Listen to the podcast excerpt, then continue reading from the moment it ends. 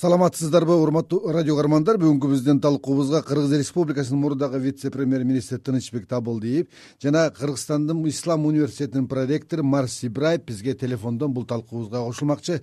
Марс мырза бизди угуп атасызбы угуп атам угуп атам анда биздин талкуубузга катышып бериңиз э, тынычбек мырза мына адатта өлкө жетекчилигинин сөзү жалпы эл үчүн мындай бир баса турган жолду аткарууда иштей турган бир багытты аныктайт эмеспи да?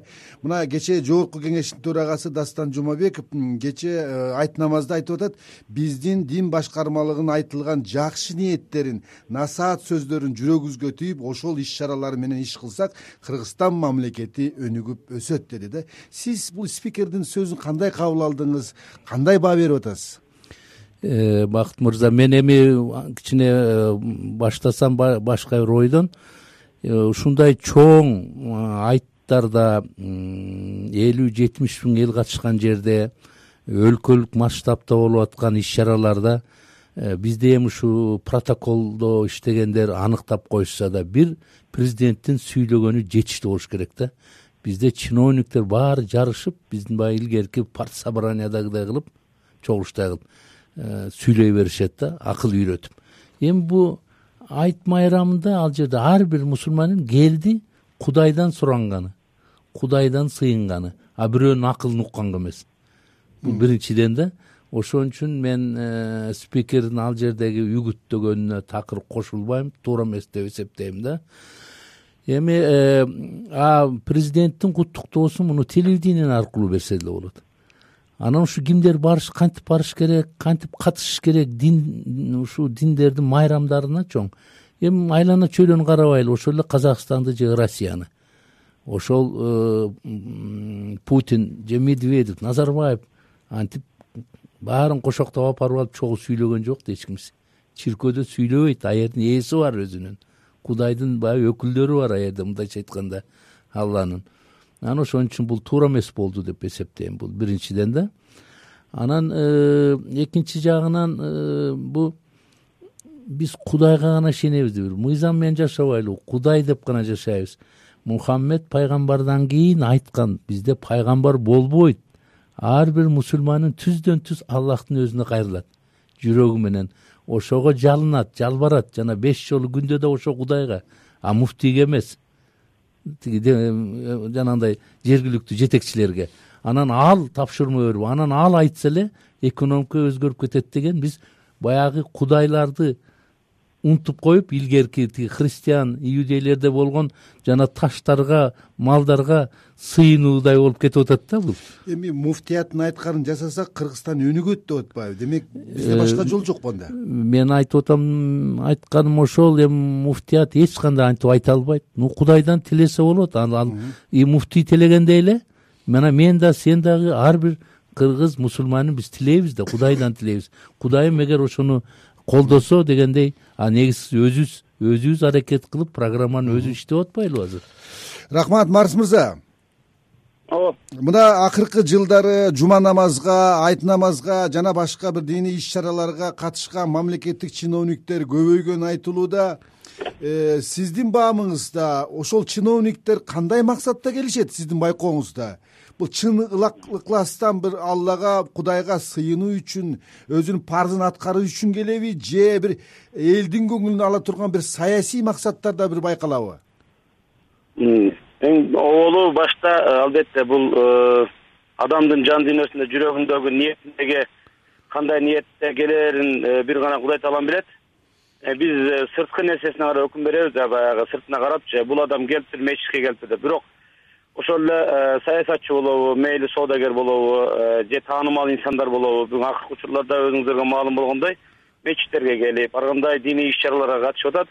Муну эми атайлап аны э, диний тарап чакырып же болбосо кандайдыр деңгээлде ушуну үгүттөп аткан деңгээлдеги бир маселе эмес муну адамдын өзүнүн көңүлүндөгү иши деп ойлойбуз. Бирок сөздөр айтылып атат эми кээ бирлер ушу саясий упай алыш үчүн өзүнө кандайдыр электораттар табыш үчүн ушул жака келип атат дегендер бар бирок ким десе дагы бирок мен жеке өзүм баягы диний адам катарында адамдын жүрөгүндөгү ниетиндеги нерсени билбеген инсан катарында. Баягы сырткы нерсесине өкүм берип э, аны биз жөн гана жакшы тилек менен ниет менен гана алар бир гана ошол ибадат кылыш үчүн сыйыныш үчүн гана келип атат деп ойлойм да жеке өзүмдүн жеке пикиримде бул.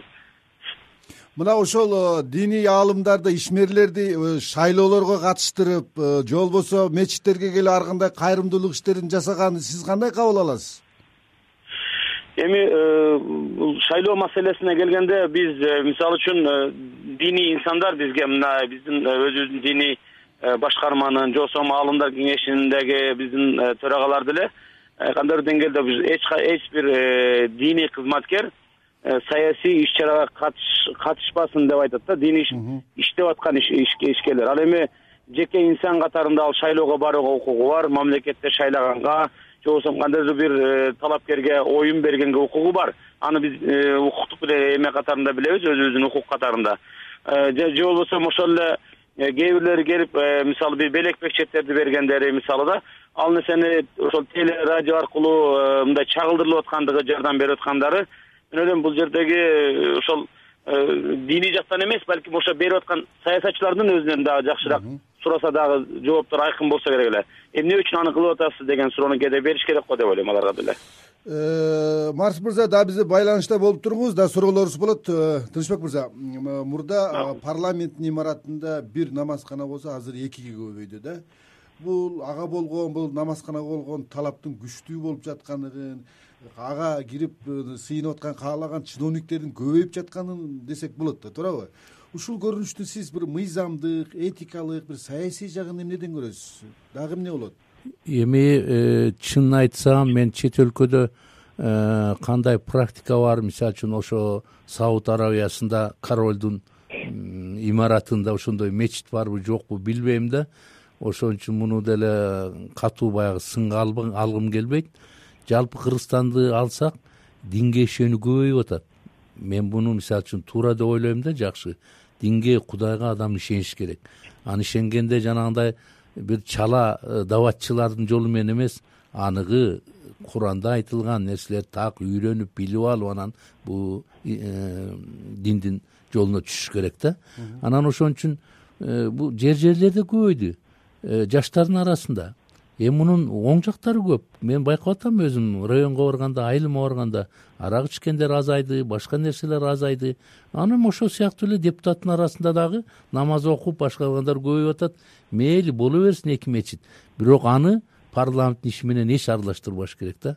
Аны мен мына мечитке кирип атам бул деп дагы аны реклама кылганга болбойт. Мен мына биздин бул жерде мен сүйлөп мына сүйлөп аткан адам айтып кетип атпайбы. Эми келгени жакшы да ушундай адамдардын деп. Туура жана борбордук аянтка келсин спикерби премьер министрби бирок элдин арасында туруп алып намазга жыгылсын. Эл ошону көрөт.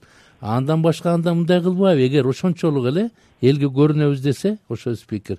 Бир торпокту союп алып туруп жана карылардын үйүнө барбайбы ошогун телевидение силер көргөзөт элеңер да өзүнүн эмгек акысына бир торпок алып барып карыларга союп берип ошол жерде дасторкондун үстүнө тамак ашты жайып ошолорду э, ыраазы кылып келди деп. Мына ошону кылсын. Акыл жана сөз менен үстүдөн туруп алып эмне кылышты андай болбойт ал. Ал парламентте да сессияда антип айта албайт ал аянтта эмес элүү миң адамдын алдында. Мына бүгүн парламентте намазканалар ачылса эртең э, мамлекеттик башка органдардын баарында намазканалар ачылышын сиз кандай карайсыз мен мен ойлойм да мунун регламенти катуу биздин мамлекетте бекитилиш керек да. Мына мисалы үчүн россияда ошол христиан багытындагы бир э, уюмдар ачылабыз деп келсе негизги тиги э, чиркөөнүн башчысы так неме? Крилдин алардын уруксатысыз ачылбайт. Себеби ошолор берет бул христианствого тиешеси барбы жокпу ислам да ошондой. А бизде он киши жазса келип кире берет анан ошон үчүн мындай көзөмөлсүз көзөмөлсүз а көзөмөл деген эме ал динге ишениш эме деп башкарбайбызбы мечиттердин ачылышы бул баары э, бир мыйзам түрүндө гана болуш керек. Рахмат э, марс мырза. Ооба мынау дин ишмерлери демократиялык жолду тандаган бул кыргызстандын конституциясын андан келип чыккан мыйзамдардын бир эрежелерин э, тартиптерин канчалык сакташат деген бир суроо бар да э, коомчулуктачы. Мисалы айталы белгилүү дин аалымы чубак ажынын өткөн президенттик шайлоодо кийин экинчи үй бүлөсүнө байланыштуу бир окуяларда мыйзамсыз аракеттерине болгонуна карабай дин аалымдарынын таасиринин аркасы менен мыйзамдык бир жазаларга тартылган жок жоопкерчилик тарткан жок деп атат. Муну сиз кандай карайсыз? Канчалык бул э, биздин турмушубузда сиңип аткан көрүнүп аткан нерсе. Эми демократиялык коомдо албетте ошол э, мыйзамдарды э, демократиянын койгон ошол мамлекеттин мыйзамдарын сыйлоо ар бир жарандын мойнундагы милдет деп билебиз. Бирок ошол эле учурда э, канчалаган кээ бирки мыйзамдар чыгып атат мыйзамдарды ал көзөмөлдөнүп атабы аткарылып атабы деген суроого келгенде бир гана кээде баягы таанымал болгон диний адамдардан гана кээде бир ошол коюлган мыйзамдарды бузуу деп айтпайм бирок кандайдыр деңгээлде сиз айткандай ошол Э, экинчи аял алуу маселеси болобу башка маселе болсо дароо элдин көзүнө ошол көрүнөт экен дагы андан бир саясат кылгандар бар. Бирок ошол эле учурда канчалаган саясатчылар деле канчалаган бүгүнкү күндө ишкерлер деле болсун чоң чоң адамдар таанымал инсандар деле ошол эле нерсени кылып келишет бирок алардын артында бул мыйзам э, иштебейби деген да нерсе келет. Ошон үчүн мен ойлойм э, бул жердеги маселе мыйзам демократиялык коомдогу кыргызстандагы бүгүн ошол эле дин тутунган инсандар э, менин оюмча мыйзам бузуу жагынан э, дагы азыраак же болбосо кандайдыр деңгээлде мыйзам бузуу эмесине жол бербей турган абалда колдон келишинче аракет кылып атат деп ойлойм. Бирок э, балким бул маалыматтан ошо маалыматтандырылбай калгандан болушу да мүмкүн. Ошон үчүн бул бир гана окуя менен жалпылаштыруунун дагы өзүнүн кандайдыр деңгээлде зыян экендигин тескерисинче дин тутунган инсандардын кыжырдануусуна жол бере тургандыгын дагы деп ойлойм. Ал эми жанагы Э, саясатчы инсандар бул кандай гана инсандар ыйман деген нерсе бул кудай таала тарабынан берилген нерсе да аны биз жөн гана үгүт насаат кылган иш кылган учурда мечиттин ичинде ошол имамдар молдокелер аны дин тутунуп аткан инсандар сырттан таасирленип динге кирип атат. Бирок ошонун аркасынан э, ар кандай кесиптин ээлери бул мейли депутат болсун бул мейли э, ак үйдө болсун же башка жактарда болсун бир муктаждык болуп калды экен да кээде жумуш учурунда дебейин кандайдыр деңгээлде он мүнөткө бир намаз окуй турган жер табылбай калган учур болот. Ошондуктан жанагы намазканалардын учурунда убагында ошолордун уруксаты менен курулгандыгы бүгүнкү күндө ошол жерлерде балким э, жаман эмес. Менин оюмча дагы пайдасына жакшы э, натыйжаны берип атат деп ойлойбуз. Бирок бул нерселерди бир аз э, бир мыйзам ченемдүү сиз айткандай ооба мыйзам ченемдүү бир көзөмөлдүн алдында болсо дагы жакшыраак болмок деген ойдобуз албетте биз деле рахмат рахмат рахмат. дагы суроолорубуз болот урматтуу угармандар. Азыр биз э, ушул тема боюнча э, социология илимдеринин кандидаты э, доцент бакыт малтабаровдун өзүнүн дагы иликтөөлөрүнүн жыйынтыгын угуп көрсөк. Биздин иликтөө боюнча акыркы жылдары динди саясаттын максатында дин болсо саясаттын өзүнүн максатында пайдалана баштайт. Социологияда буну динди саясатташтыруу же болбосо саясатты диндештирүү дегенде. Аны тактап айтканда мамлекет дин ишине киришүү диндер мамлекеттик ишке киришүү. Бул жерде мамлекеттик чечим чыгара турган ресурстарга кайрыла баштаса бирок көбүнчө саясий лидерлер саясий элиталар чоң саясий кампания башталганда электорат анын ичинде диний электорат бар динге ишенген социалдык топтор ошолорду өздөрүнүн кызыкчу пайдаланыш үчүн иштей башташат.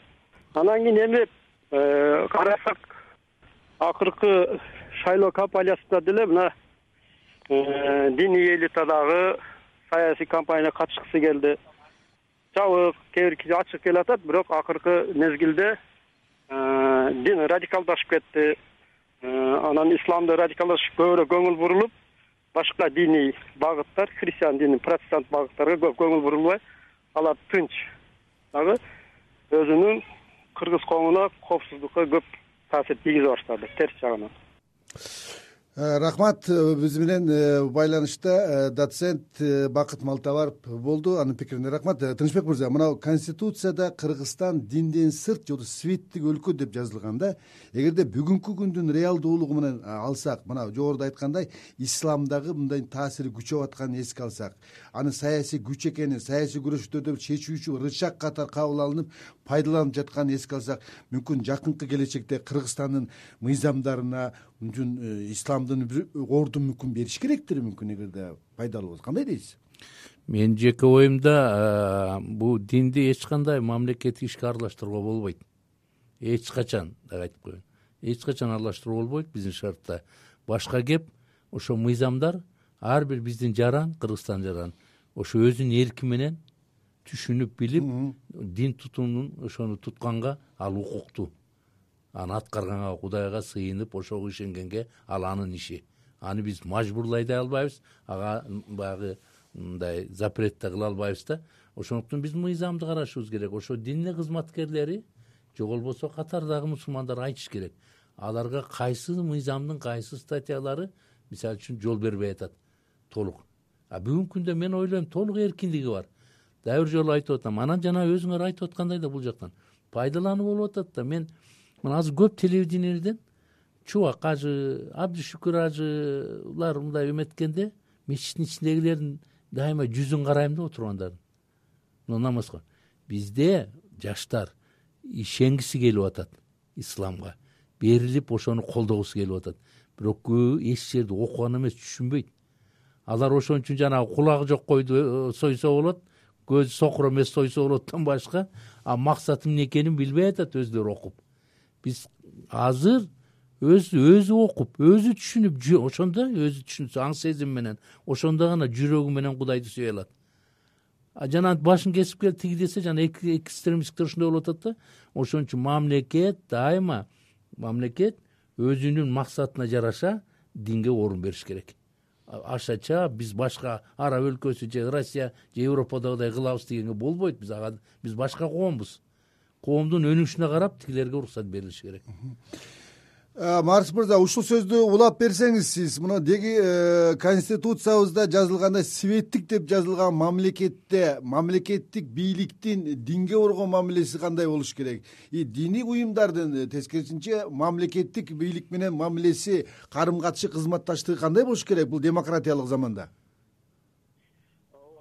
эки миң он төртүнчү жылкы ага чейинки дагы э, дин эркиндигине атайын концепция кабыл алынганда билебиз. Бул маалымат катарында светтик мамлекет мамлекетибиз дин менен мамлекеттин ортосо эч кандай бири бири мындай э, дин мамлекеттик ишке эч качан кийлигише албайт аны дагы түшүнөбүз. Э, ошол эле учурда менин жеке өзүмдүн жеке пикирим э, албетте мен саясий исламды колдобоймун. Кандайдыр деңгээлде саясий бир партия менен келип исламий партия менен келип бийликке туруу деген нерсеге каршымын мен дагы. Себеби дин деген нерсе бул кудай таала тарабынан берилген мыйзамдар бул жашоо биздин. Албетте анын ичинде Э, бир жарандын бир мусулман бир жарандын э, өзүнүн э, укугу дагы бар. Ошондуктан бул жерде кандай болуш керек деген маселе келгенде албетте эки тарап эки тараптан тең мындайча айтканда мамлекет жактан дагы коюлуп аткан эрежелер мыйзамдар ошол эле дин тутуп аткан инсандардын дагы дин тутуу эркиндигине карама каршы келбеш керек. Кандайдыр деңгээлде анын ибадатына ибадатканасына баалуулуктарына чектөө коюу менен болгон учурда албетте бул мыйзам өзүнүн бир натыйжасын бербейт деп ойлойм. Ал эми диний инсандар же дини дин э, тутунган же болбосо диний тарап албетте мамлекеттин э, ар кандай э, мындай айтканда шайлоо компанияларына болсун мейли ар кандай иш аракеттерде ошол эле жашоо турмушундагы мамлекеттин мыйзамдарына бүт баарына аралашат жашайт жашап атат. Бирок расмий турда келип могул мыйзамыңар момундай экен муну биз баш ийбейбиз же тигиндей экен дегенге түздөн түз эмес балким муну сунуш катарында айтуу менен гана ушундай кылсак болобу деген нерсе менен гана сунуш айта алат деп ойлойм. Аны дагы албетте парламент чечет ал дагы өкмөттөр э, чечет албетте мамлекеттик э, башындагы инсандар. Бирок ошол эле менин дагы э, мисалы ушул күнгө чейинки кылып аткан мамилебиз ошол эле диний мисалы үчүн мамлекеттин атайын комитети болсо комиссиясы болсо дин комиссиясы менен муфтияттын ортосундагы мамиле кандай болуш керек болуп атат бүгүнкү күндө. Албетте кызматташуу бар. Албетте бири бири менен түшүнүшүп иш кылуу бар. Бирок биз ошону кылып аткан учурда тиги мамлекетте момундай экен ой бул эми кошуна мамлекеттер россияда казакстанда момундай экен деп турупчу баягы ал жактагы э, абалды эске албай туруп э, мындай чектөөлөрдү катуу коюу менен э, бул жактагы дин тутунуп аткан инсандардын да чындыгында баягы мындай укуктарын тебелеген бир абалга же болбосо алардын нааразылап аткан абалга да келип калбаш керек деп ойлойм. Рахмат. менин оюмча ошол албетте э, ошо биргеликте иш кылышкан жакшы болот. Тынычбек мырза мына бүгүнкү кыргыз коомунда э, диний идеологиялык э, бир иш аракеттер болуп атат. Анан кийин демократиялык баалуулуктарды жайылткан анан кыргыз баалуулуктарын жайылткан бир жарыш кетип атпайбы ушундай биз демократиялык баалуулуктар кыргыз баалуулуктарын жайылтуу ислам баалуулуктарына караганда мындай чабалдык кылып жаткан жокпу. Эгерде болсо анда эмне кылыш керек жакшыртыш үчүн бир? Мен жана айтам деп атып мындай унутуп кетиптермин айтып коеюн өзүң сурабадыңбы жогорку кеңеште эки мечит бар деп. Намазкана намазкана анан анда депутаттар ойлонуш керек да. Анда биз жер жерлерде областьта райондо баардык мамлекеттик органдарды мечит намазкана ачып беришибиз керек. Аны да ойлош керек да. Алар да жумуштан чыга албайт да. Клиенттер келип атат алда намаз окугусу келет. Муну ойлош керек. Мамлекеттик кызматкер кантип милдетин аткарат? Анда муфтият менен ушуну сүйлөшүп да бул бир. Эми э, экинчиси сенин сурооң боюнча мындай э, биз демократиялык баалуулуктарды улуттук баалуулуктарды мындай чабал болуп атабызбы жайылтууда деп атам да. Э, биз биз чабал болуп атабыз. Биз улам эле э, мамлекеттик органда жетекчилерди алмашып биз антип анализге жете элекпиз бир аналитика кылып. Жанагы дин кызматкерлеринин жүргүзүп аткан ишинин фонунда биздин мамлекеттик агенттиктин дин боюнча жалпы эле өкмөттүн кылган иши жокко эсе мен ушинтип эле айтып коеюн капа болушпосун мыйзам чыгарып коюп калганын тигилер деле угуп жолугуп эле көз көрсөтүп коюп саламдашып жанагындай жерине барып коюу менен чектелип атабыз. А бул демократия мун үчүн чоң чоң иштер болуш керек. Муну анализ болуш керек. Эл элге пикир катары айтылыш керек. Эл эл деген билиш керек. Бул биздин мамлекеттин өкмөттүн позициясы кандай мындай жерде? Мен мына европада көп эле өлкөлөрдө көрдүм да мамлекеттик иш адамдын укуктары болуп аткан жерде дин жөнүндө сөз болбойт. Биз католиктер мынтишибиз керек жумушка мындай эч бири бирине аны шарт катары кое албайт эч. Ким дин болгон жерде саясат жок дем алыш күнү алар үй бүлөсү менен чиркөөгө барып атпайбы тигинтип атат. Ал жерде бийликтин эч иши жок. Сенин ишиң ал. Ар бир үй бүлөнүн ар бир адамдын өзүнүн иши. Кантип барып сыйынат кудайга кантип кудай менен байланышта болот. Бири бирине шарт. Бирок мен дагы бир жолу айтып атам. Ошо мамлекет мамлекет э, кабыл алган мыйзам чегинде ошол динге берилүү дин иштерди аткарылыш керек.